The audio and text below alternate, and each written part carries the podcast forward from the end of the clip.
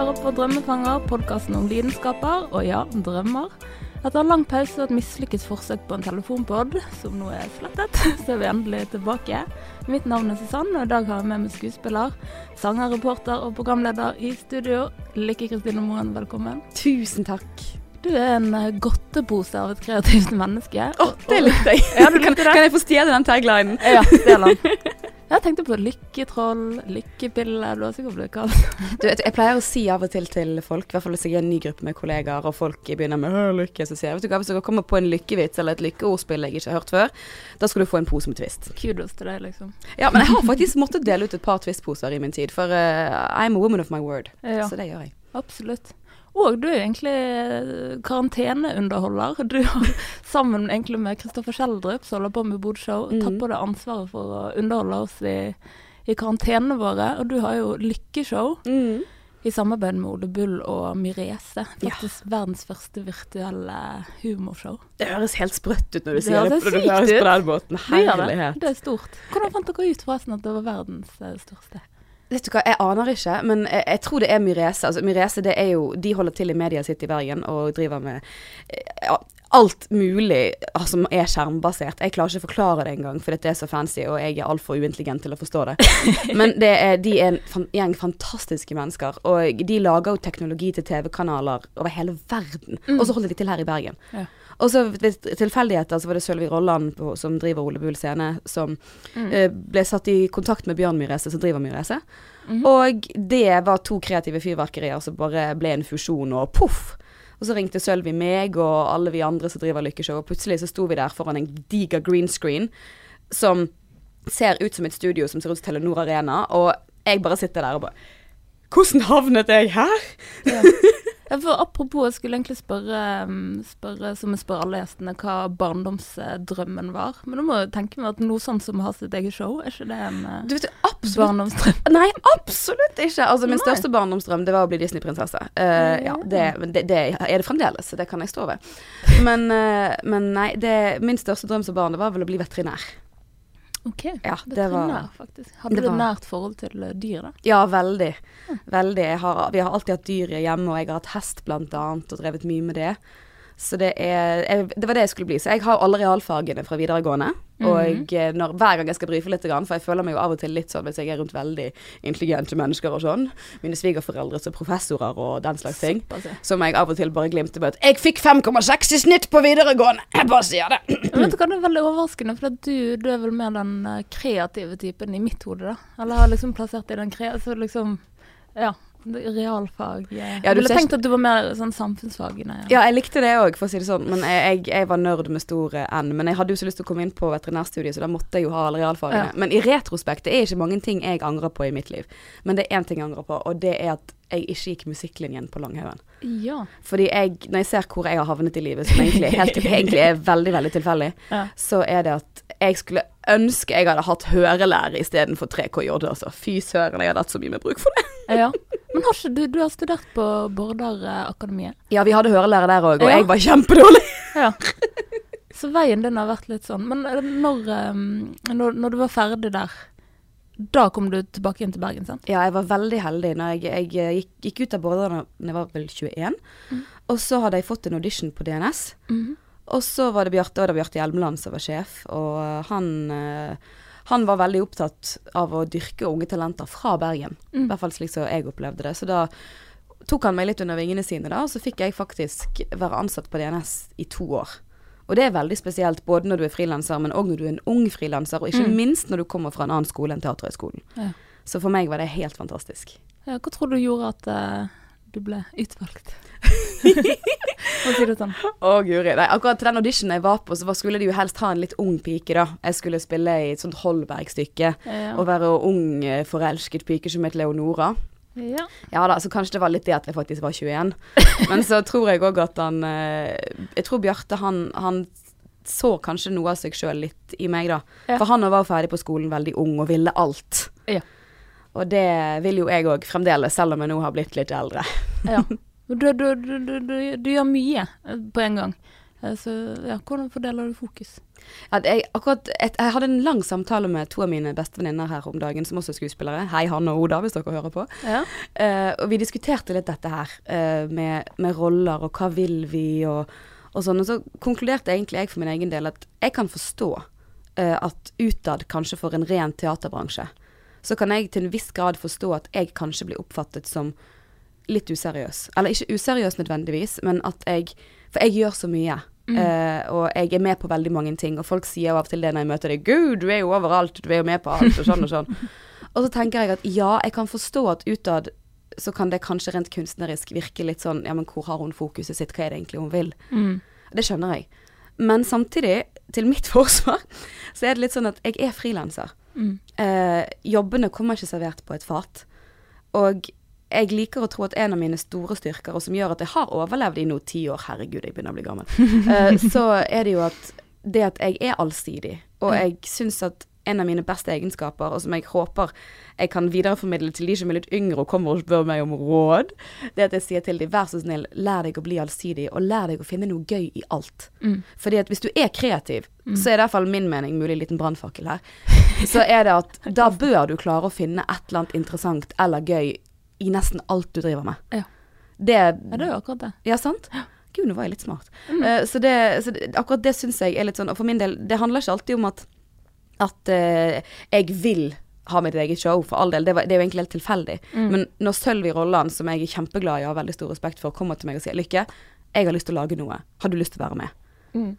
Så tenker jeg bare Fy søren, så heldig jeg er som får en sånn mulighet. Og Ja. tenk hva jeg kan lære av dette.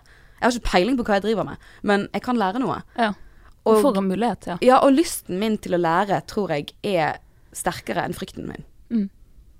Oi, nå sa jeg òg noen sånne instavisdomsord her, følte jeg. Ja, eh, for det, frykten er jo ofte det som stopper oss fra å gjøre både det vi vil, og det vi på en måte Hvordan skal jeg forklare det, da? At vi rett og slett ikke tør å prøve engang på ting vi kanskje hadde vært ganske gode i. For Fordi eksempel. At, fordi at frykten tar, tar over. Mm. Men Men da, hvordan, hvordan har du kommet dit? Har du vært sånn hele veien at du har vært så trygg i det sjøl? nei, jeg tror jeg har angst på en, mer en del andre ting. Som mm. Den angsten jeg sikkert burde føle for enkelte ting jeg driver med, den tror jeg jeg tar veldig igjen i andre ting. Jeg fløy eksempel ikke på nesten fem år. Jeg hadde, jeg hadde så flyskrekk. Okay. Så jeg, jeg liker å tro at kanskje, ja, kanskje frykten min kanaliserte seg inn i flyskrekken. Eller et eller annet sånt. Jeg er ikke helt sikker. Ja. Jeg så et foredrag i går faktisk på YouTube, og da, da snakket du om at eh, sant, fear of eh, public speaking, altså det er den største frykten kanskje Sånn hvis du legger sammen alle, alle fryktene i samfunnet, da, så er det faktisk den som flest er redd for. Da. Det er interessant. Ja, sant? men så hadde du sånne som du, så, og kanskje begge oss to, da. Men der har du på, på noen ting. Jeg driver og skal holde kurs om dagen, der kjenner jeg liksom får ikke sove om natten. eh. Nei, men jeg, det kan jeg forstå. Panikk. Ja. For det, det, det er litt sånn som jeg, jeg har blitt bedt om å, å holde tale i bryllup. Ja. Uh, og i litt mer sånne personlige settinger. Og det tror jeg Når, når du er deg sjøl, Mm. når du ikke er i en rolle For all del, som skuespiller er jo det veldig Det var jo òg noe av det jeg elsket som barn, var at jeg slapp å være meg sjøl. Ja. Og det er det fremdeles. Mm. Men i programlederrollen, eksempel, og sånn som du òg er når du skal holde kurs, det, da Mm. er jo du deg sjøl. Ja. Men samtidig så er du i en definert Ja, du en rolle av deg sjøl. Du Ja, men du er Eller la oss heller si Sant, de skal få utbytte av det her, de har betalt for? Ja. Det er jo det som, som skremmer. Ja, det, det er dritskummelt. Sånn Du, du, trust me. I, I hear you, sister.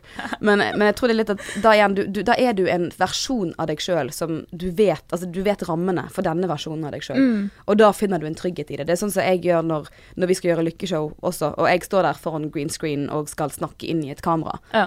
Uh, så vet jo jeg at ok, den versjonen uh, Sølvi Rolland og Kristine Hope som har regi på oss, vil ha meg, det er denne utgaven av meg. Mm. Og den utgaven klarer jeg å være. Ja. Men når jeg av og til er ute blant folk, og jeg f.eks. er på fest, og det er masse folk jeg ikke kjenner, Ja. Da har det skjedd ganske ofte at jeg har måttet ta meg en timeout på do og bare 'Nå har jeg fått sosial overload. Dette klarer jeg ikke'. Ja, pust inn, pust ut. Men, Ja. men du har jo mye reportererfaring, da. Du har vært mye utgående reporter. Ja, det, skal- det skal jeg få være på 17. mai òg. Ja, Jeg gleder okay. meg så masse til det. Det var Bea som spurte meg om jeg hadde lyst til å gå i bunad og snakke med folk på 17. mai, og jeg er jo så sultefòret på sosial kontakt, så jeg bare Ja, det vil jeg! så gøy, da. Men det er jo igjen fordi jeg tenker at det er jo gøy. Ja. Jeg liker å snakke med folk, og at det tilfeldigvis er et kamera i nærheten, det gjør ingenting. Det Ja. går fint. Du, du har liksom tatt på deg oppgaven for å muntre folk opp i denne koronatiden. Med show og sant? eh, 17. mai som ikke blir helt sånn som vi kanskje hadde tenkt. Nei, det gjør nok ikke det, men jeg Mm. tror både BA og 17. mai-komiteen har veldig fine planer for å prøve å gjøre det så kjekt som mulig for alle. Så det er fint og flott å være med på. Ja. Men apropos, sant? du har ditt eget show, og du står eh, typ alene på en scene nesten. Det er vel eh, Ja, det er innslag fra de andre, men det er vel bare du og Ja, også Sandra, Sandra Spjelkavik. eh, Spjelkavik, ja, ja. hun er med litt i studio sammen med meg. Ja. Men, eh, men det er jo langt ifra første gang du står på en scene. Men når var liksom aller første gangen? Kan du huske den? Jeg tror det må ha vært julespillet i barnehagen, når jeg fikk spille Maria. Og jeg var så Ja. stolt, fordi da fikk jeg ha på meg parykk. Eh, og jeg eh, fikk ikke hår før jeg var tre år, så jeg kan faktisk, jeg kan faktisk huske uh, at jeg ønsket meg langt hår som alle de andre jentene i barnehagen. Og når jeg fikk være Maria, så fikk jeg ha sånn parykk, og jeg bare drømte om at det var mitt Disney-prinsessehår. Fantastisk. Men nå har du virkelig Disney-hår. Det Ja, har du hvorfor- hatt så lenge jeg har kjent deg. Hvorfor tror du jeg ikke har lyst til å klippe meg? Ja, det kommer aldri til å skje, det. det, det, det kan jeg spørre om det er ditt? Ja. Ja, det er ditt. Mm. Du må være stolt av. Det langt og fint. Um, har du følt noe frykt for jobben din nå under koronatiden? Ja, det har jeg jo, og det er jo litt av grunnen til at jeg har kastet meg med på, som f.eks. Lykkeshow. Fordi eh, jeg og min kollega og venninne som nevnte i sted, Oda, vi var på turné med en forestilling vi hadde laget sjøl for Det Vestnorske Teatret. Og den ble jo avlyst. Vi hadde veldigvis bare én forestilling igjen. Men da fikk vi beskjed dere må reise hjem. Og sånn er det. Og eh, dere får betaling for forestillingen dere skulle spilt, men ikke for turné, så- altså ikke for mat og sånne andre typer ting som man er på, på turné. Eh, dere må hjem. Vi bare Oi, ja ja, men det var for så vidt ventet, så det går fint. Og så plutselig så skal ble oppdrag avlyst. Eh, andre prosjekter jeg skulle spilt eh, eh, inn, og litt sånn forskjellig, plutselig ble avlyst og sånn. Og så sitter man der og bare Oi, dette var jo litt rart. Men sånn var det jo for alle oss. Ja. Men for min del så vet jo jeg hvor ekstremt heldig jeg er, fordi eh, jeg får lov til å lese inn lydbøker for Cappelen Dam. Mm.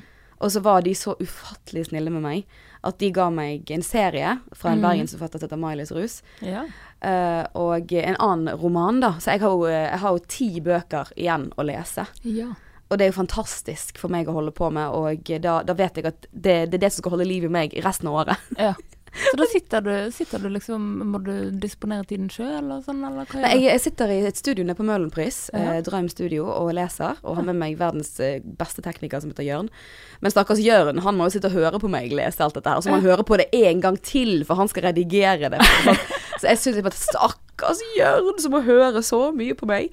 Åh, men det gjelder jo for så vidt alle som egentlig kjøper de lyd, eller lydbøkene som jeg har lest. Jeg kan ikke fatte og begripe at folk orker å gå rundt med meg i øret i 14 timer.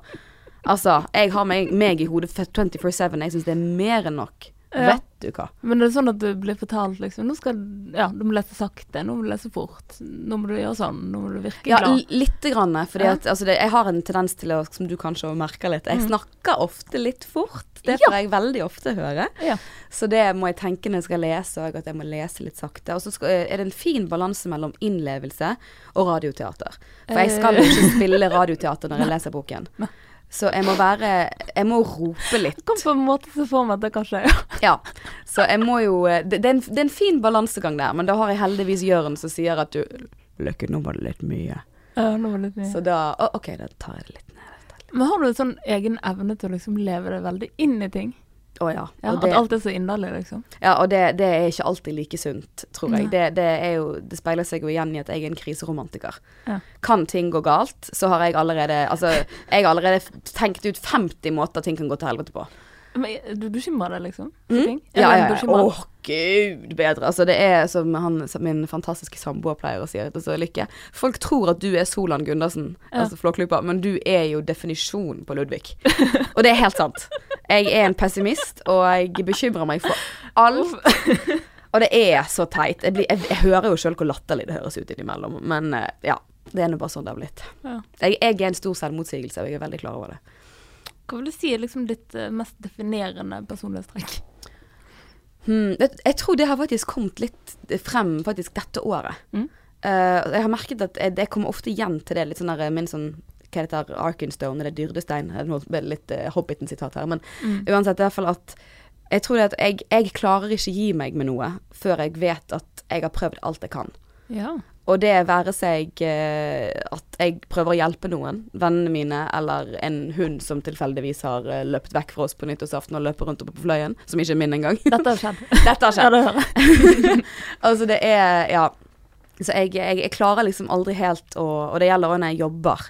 Jeg fikk jo eh, litt, eh, litt kjærlig kjeft av Kristine Hope. Ikke kjeft, rektor Hope kaller jeg henne. Ja. Og det var jo ikke kjeft heller, men det er bare det som måtte si til meg at du trenger ikke tenke på alt. Mm.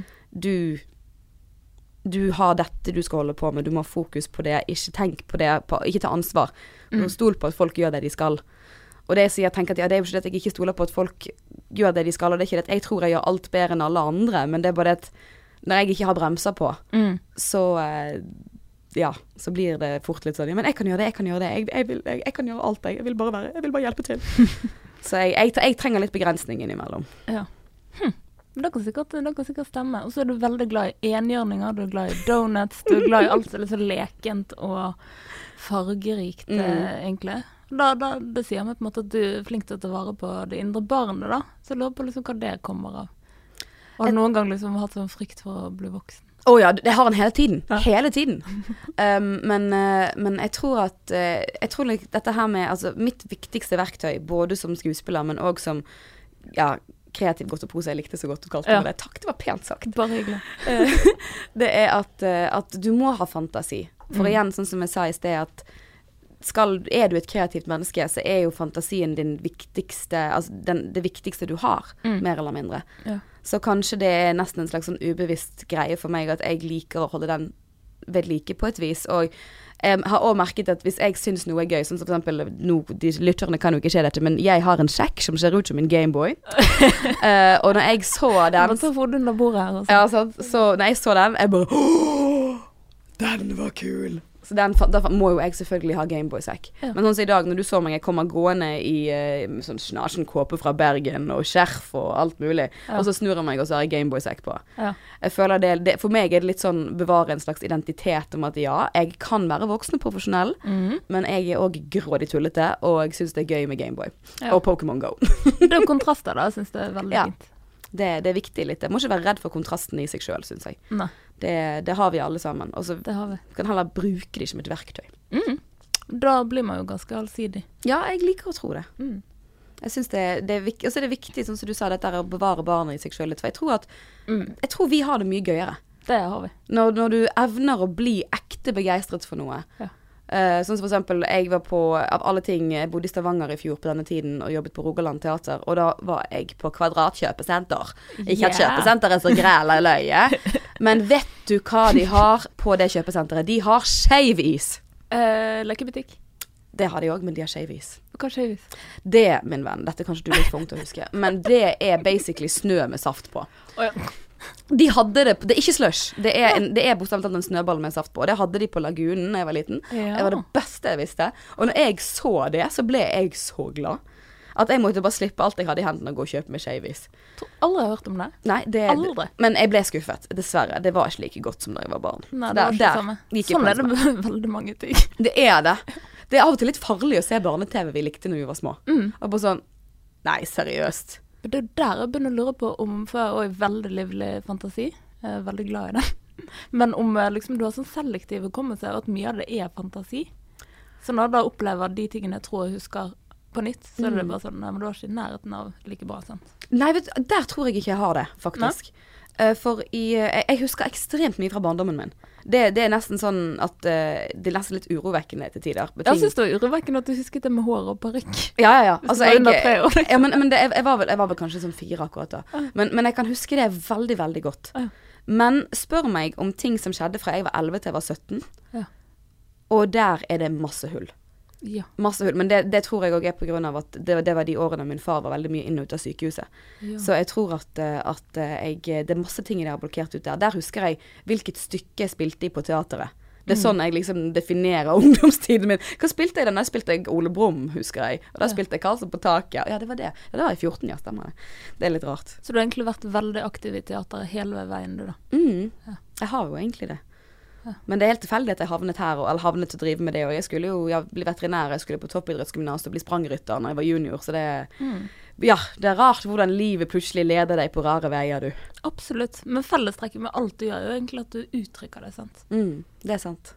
Og ja, du uttrykker jo i mine øyne ganske mye altså den samme lykke i alle tingene. Det er jo litt kult. Ja, det er kjekt. Ja. Det er veldig, men det er jo man, det er som de, alle disse Idol-deltakerne sa, uh, det er viktig å være seg sjøl. Ja. Men det er samtidig Det er jo det som også er litt sånn fint når jeg er kun skuespiller. Altså når jeg går inn i en rolle. Det syns jeg var veldig, veldig kult når jeg fikk spille inn en TV-serie for uh, Det er vel det er to år siden vi gjorde det. Ja, ABBA Bergen. Mhm. Som ble spilt inn her i Bergen. Og der fikk jeg spille advokat. Det var, var pappa veldig fornøyd av. Altså, jeg, når jeg ikke ble jurist sånn som han, så ble jeg, fikk jeg få spille det. Men, eh, og det, det var veldig gøy for meg å få en sånn rolle. Både fordi at jeg hadde aldri fått rolle på TV før. Jeg hadde aldri tenkt at det var en Jeg, jeg, jeg er altfor voldsom til å holde på på TV. Mm. Men så, eh, så var jeg jo audition og masse runder, og så fikk jeg jo rolle. Og så så jeg jo etter hvert òg at den karakteren i det manuset der er jo veldig forskjellig fra meg. Mm. Veldig. Hun er i mine øyne sur Ja. og, og grinete og har et veldig høyt temperament. Og går i dress. Hun går i dress. ja. Og du Jeg hadde altså Hun var ganske streit. Ja, veldig. Og det er totalt motsatt av meg. Mm. Og som skuespiller så var jo det for meg en fantastisk tillitserklæring og oppgave å få. Ja. For igjen tilbake til dette her med at jeg kan forstå at uh, teatersjefene her i byen f.eks., som ser meg i så mange ting, uh, kan noen ganger føle at jeg er litt voldsom, eller at jeg er litt for barnslig, eller at jeg er litt for komisk. Altså alle disse tingene her, når du kun ser denne utgaven av Lykke som du f.eks. eksempel ser på Lykkeshow, som også er meg, Ja. for guds skyld. Det er jo jeg som er sånn, altså det jeg elsker ja, det er jo du som står der. ja, og jeg elsker jo egentlig det at på Lykkeshow så får jeg være den utgaven av meg sjøl som jeg òg trives med, Ja. og som jeg syns er kjekt å få positive tilbakemeldinger på. Men da skjønner jeg jo at sånn rent sånn i teaterfaget, så syns jo jeg òg at det er deilig å få lov til å legge fra meg det der, der og kanskje da spille en kontrast til meg sjøl, som da er litt streit og litt stille og litt sur og litt sint og eh, har eh, kontroll på alt i livet sitt. Mm. Så er jo det litt interessant, det også. Absolutt. Men dette er noe du føler mye. på. Jeg fikk litt inntrykk av at du kanskje føler på at du er mye. Ja, det, det Har du jeg. fått tilbakemeldinger på det? Ja, det har jeg, og det har jeg egentlig gjort hele livet. Ja. Eh, og eh, derfor så Jeg tror nok at det var nok også en periode det påvirket meg veldig, særlig på Mm. barneskolen. For da var jeg en person hjemme, Mm. og en person på skolen. Hvem var du hjemme, da? Eh, hjemme så var jeg sånn som jeg er nå, Ja. men på skolen så var jeg litt stille. mm. Eh, for jeg, der var, følte jeg meg utrygg. Og det, det, det kjenner jeg meg igjen i ennå, at jeg, jeg kan faktisk være stille. Mm. Eh, og jeg kan være veldig forsiktig, eh, men det er ikke så ofte Men det er de folkene sånn som rundt nå, bare her med deg f.eks., eksempel så er jo ikke det noe problem for meg å prate. Ja. Ikke bare fordi du stiller meg spørsmål, men òg hadde meg og deg sittet og drukket kaffe bare for kos, så vet Ja. jo jeg at vi hadde hatt det kjempegøy. Ja. For jeg hadde vært 100% komfortabel rundt deg. ja. Men når jeg av og til er rundt folk som jeg ikke klarer å være komfortabel med, og det har ikke alltid noe med de, de å gjøre, Mm. det er bare en kjemiting og mine Absolutt. følehorn som blir helt sånn, Mm. så kan jeg bli stille og rar. Ja. Og jeg har jo møtt kollegaer som har sagt sånn Oi, kan du snakke? Når de, når de har møtt meg i en annen setting. ja. Eh, eller eh, når jeg var yngre spesielt, kanskje, men òg nå. Og bare litt sånn Jeg hadde en jobb for eh, det er vel snart et år siden hvor jeg òg følte at jeg, i, jeg klarer ikke å finne min plass i denne gruppen. Jeg klarer ikke å være kreativ. Hvem er jeg når jeg ikke klarer å være kreativ? Mm. Så det var, det var kjemperart for meg å oppleve plutselig å bli sånn Her klarer ikke jeg å fungere. Hva er det som gjør at jeg ikke klarer å komme over frykten min her? Mm. Så jeg møter han jo hele tiden ja. likevel, selv om uh, jeg prøver å tøffe meg litt. Grann. Merker du noe forbedring etter hvert som du blir eldre? Noen ganger uh, gjør jeg det, men samtidig nei. Jeg tror det er Mm. noe sånn i, genuint i personligheten min. Mm. At jeg søker og finner veldig fort ut rundt når jeg er i en gruppe. For jeg er jo i nye grupper hele tiden, Mm. sant? som, som frilanser. Og sånn som i gruppen jeg er i nå med Lykkeshow, så føler jeg jo at jeg har jeg har ikke ord for hvor heldig jeg er. Ja. Fordi Ja, da er du hjemme. ja, virkelig. Ja. Og det er jo sånn som Sandra Spjelkavik, eksempel. Vi har jo fulgt hverandre over flere år. Mm. For hun har jo holdt på her i Bergen, da, men som komiker. Mm. Og jeg har jo sett på hun og Tonje Holm Sandnes som jobbet masse sammen, og sett på de og syntes de var så kule, og heiet på de da. For jeg Mm. syns det er så fantastisk kult. Ikke no offense to you guys out there, men jeg syns det er så kult når flinke damer gjør det bra. Absolutt. Jeg elsker det. Åh, rett før jeg bryter ut i sang.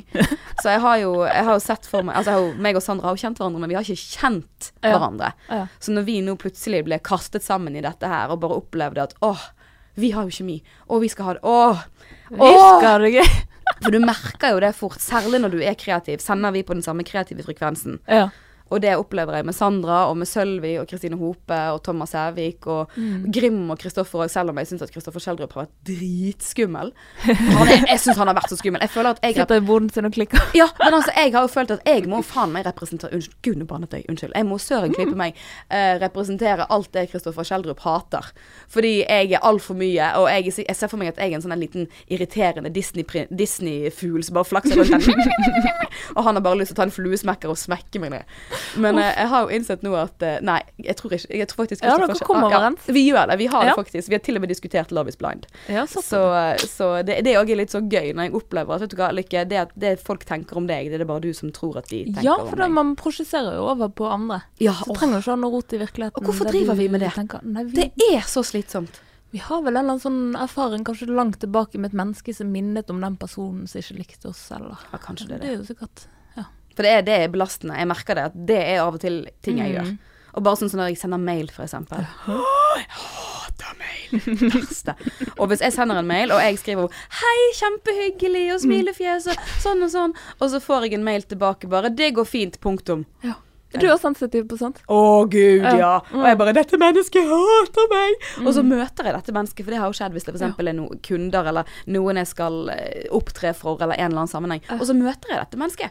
Og mennesket er jo bare akkurat sånn som meg. Og så er de så fete, sant? Men så, så på mailen så tenker jeg bare Gud, du er jo ikke sånn som du virker på mail i det hele tatt. Ja. Så det må jo jeg òg skjønne, at det er jo ikke alle som Selv om de skriver punktum uten smilefjes, så kan de være Jeg sitter og skriver hjerter på jobbmail, men har skjønt liksom at når du ikke får det tilbake, så har du Så har du Så har de Ja, nei, men det, det, det er godt vi, ingen Ja. vi er sammen om skammen min, da. ja, at folk liksom uh, prøver å være effektive på jobb, da. Mm. De bare liksom skribler blande noe og sender. Ja, altså, men det gjør jeg òg. Altså, jeg bruker veldig mye Messenger altså på Facebook Mm. på jobb. For uh, i og med at det, jeg jobber ofte sammen med folk jeg har en personlig relasjon til, så syns jeg ofte det er enklere å bare svisje av gårde. Jeg er veldig glad i gruppechat.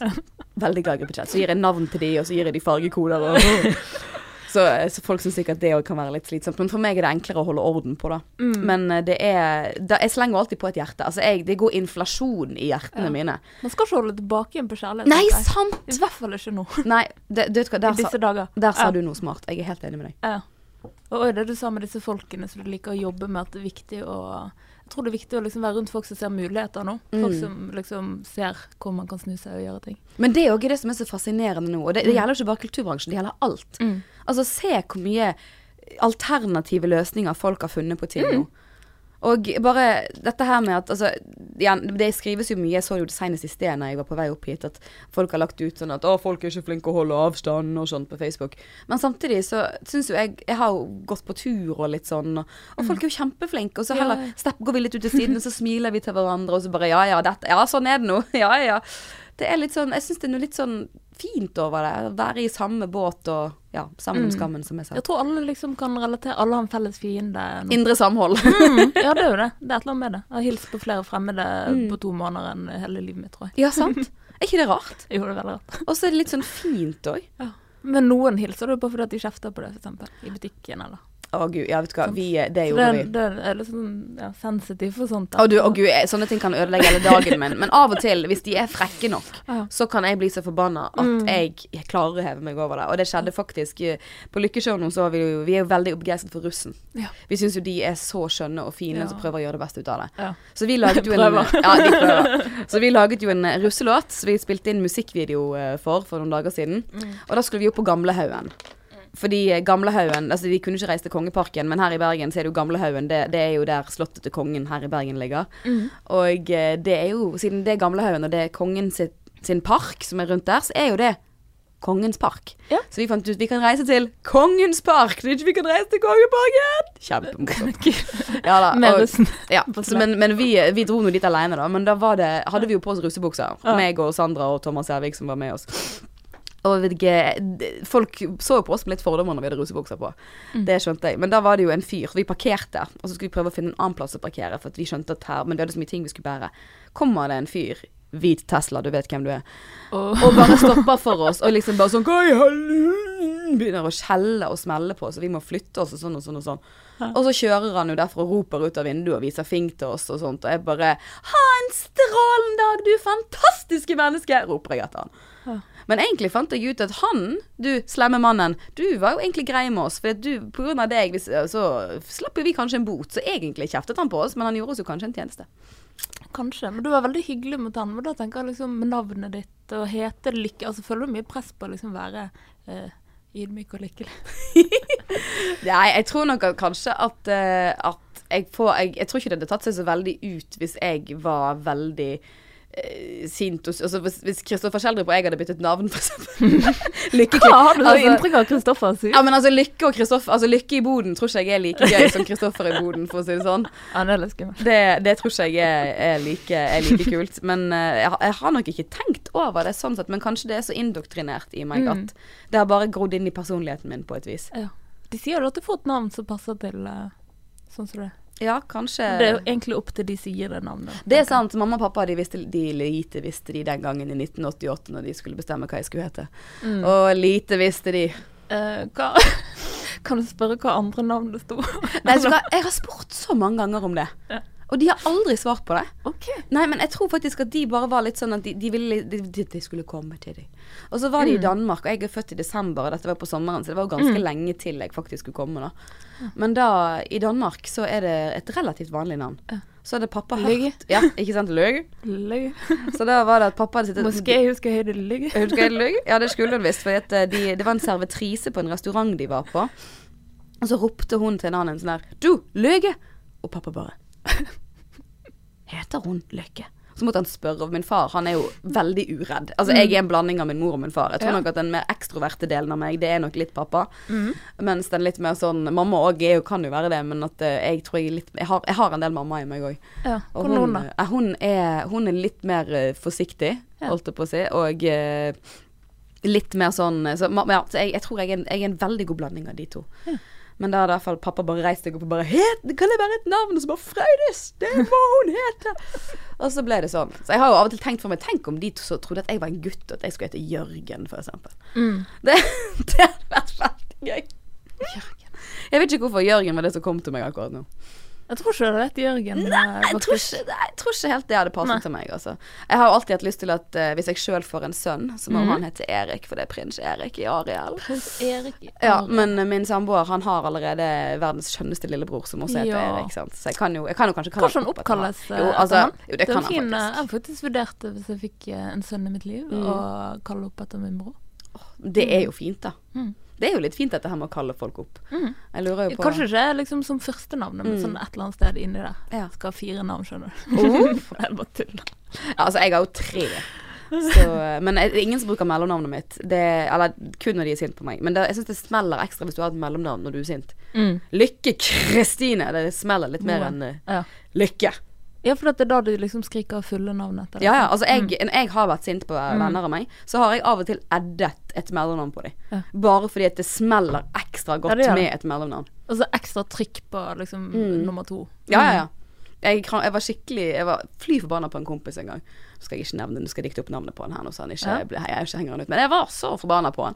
Og jeg, jeg måtte liksom jeg, jeg klarte Jeg sto og brølte til han i en trapp. Og så brølte jeg bare Magnus Alfred no, Karlsen. Han heter ikke Alfred, han heter et annet navn. Men jeg måtte bare Jeg måtte edde Alfred, for dette var ikke nok å bare kalle han de små, korte navnene.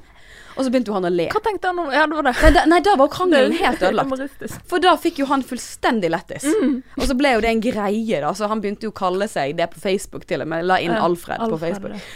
Ja. Og alle folk tror han heter det. Det- Dette var på den tiden Facebook fremdeles var Hvorfor tenker han på Alfred på svensk? Alfred. Ja, det er Emil i Lønneberget. Det er Emil. Du og Alfred. Alfred. Ja, det er den. Ja. Alfred er fint navn. Kanskje ja. kalle sønnen min for Alfred. Svensken, altså.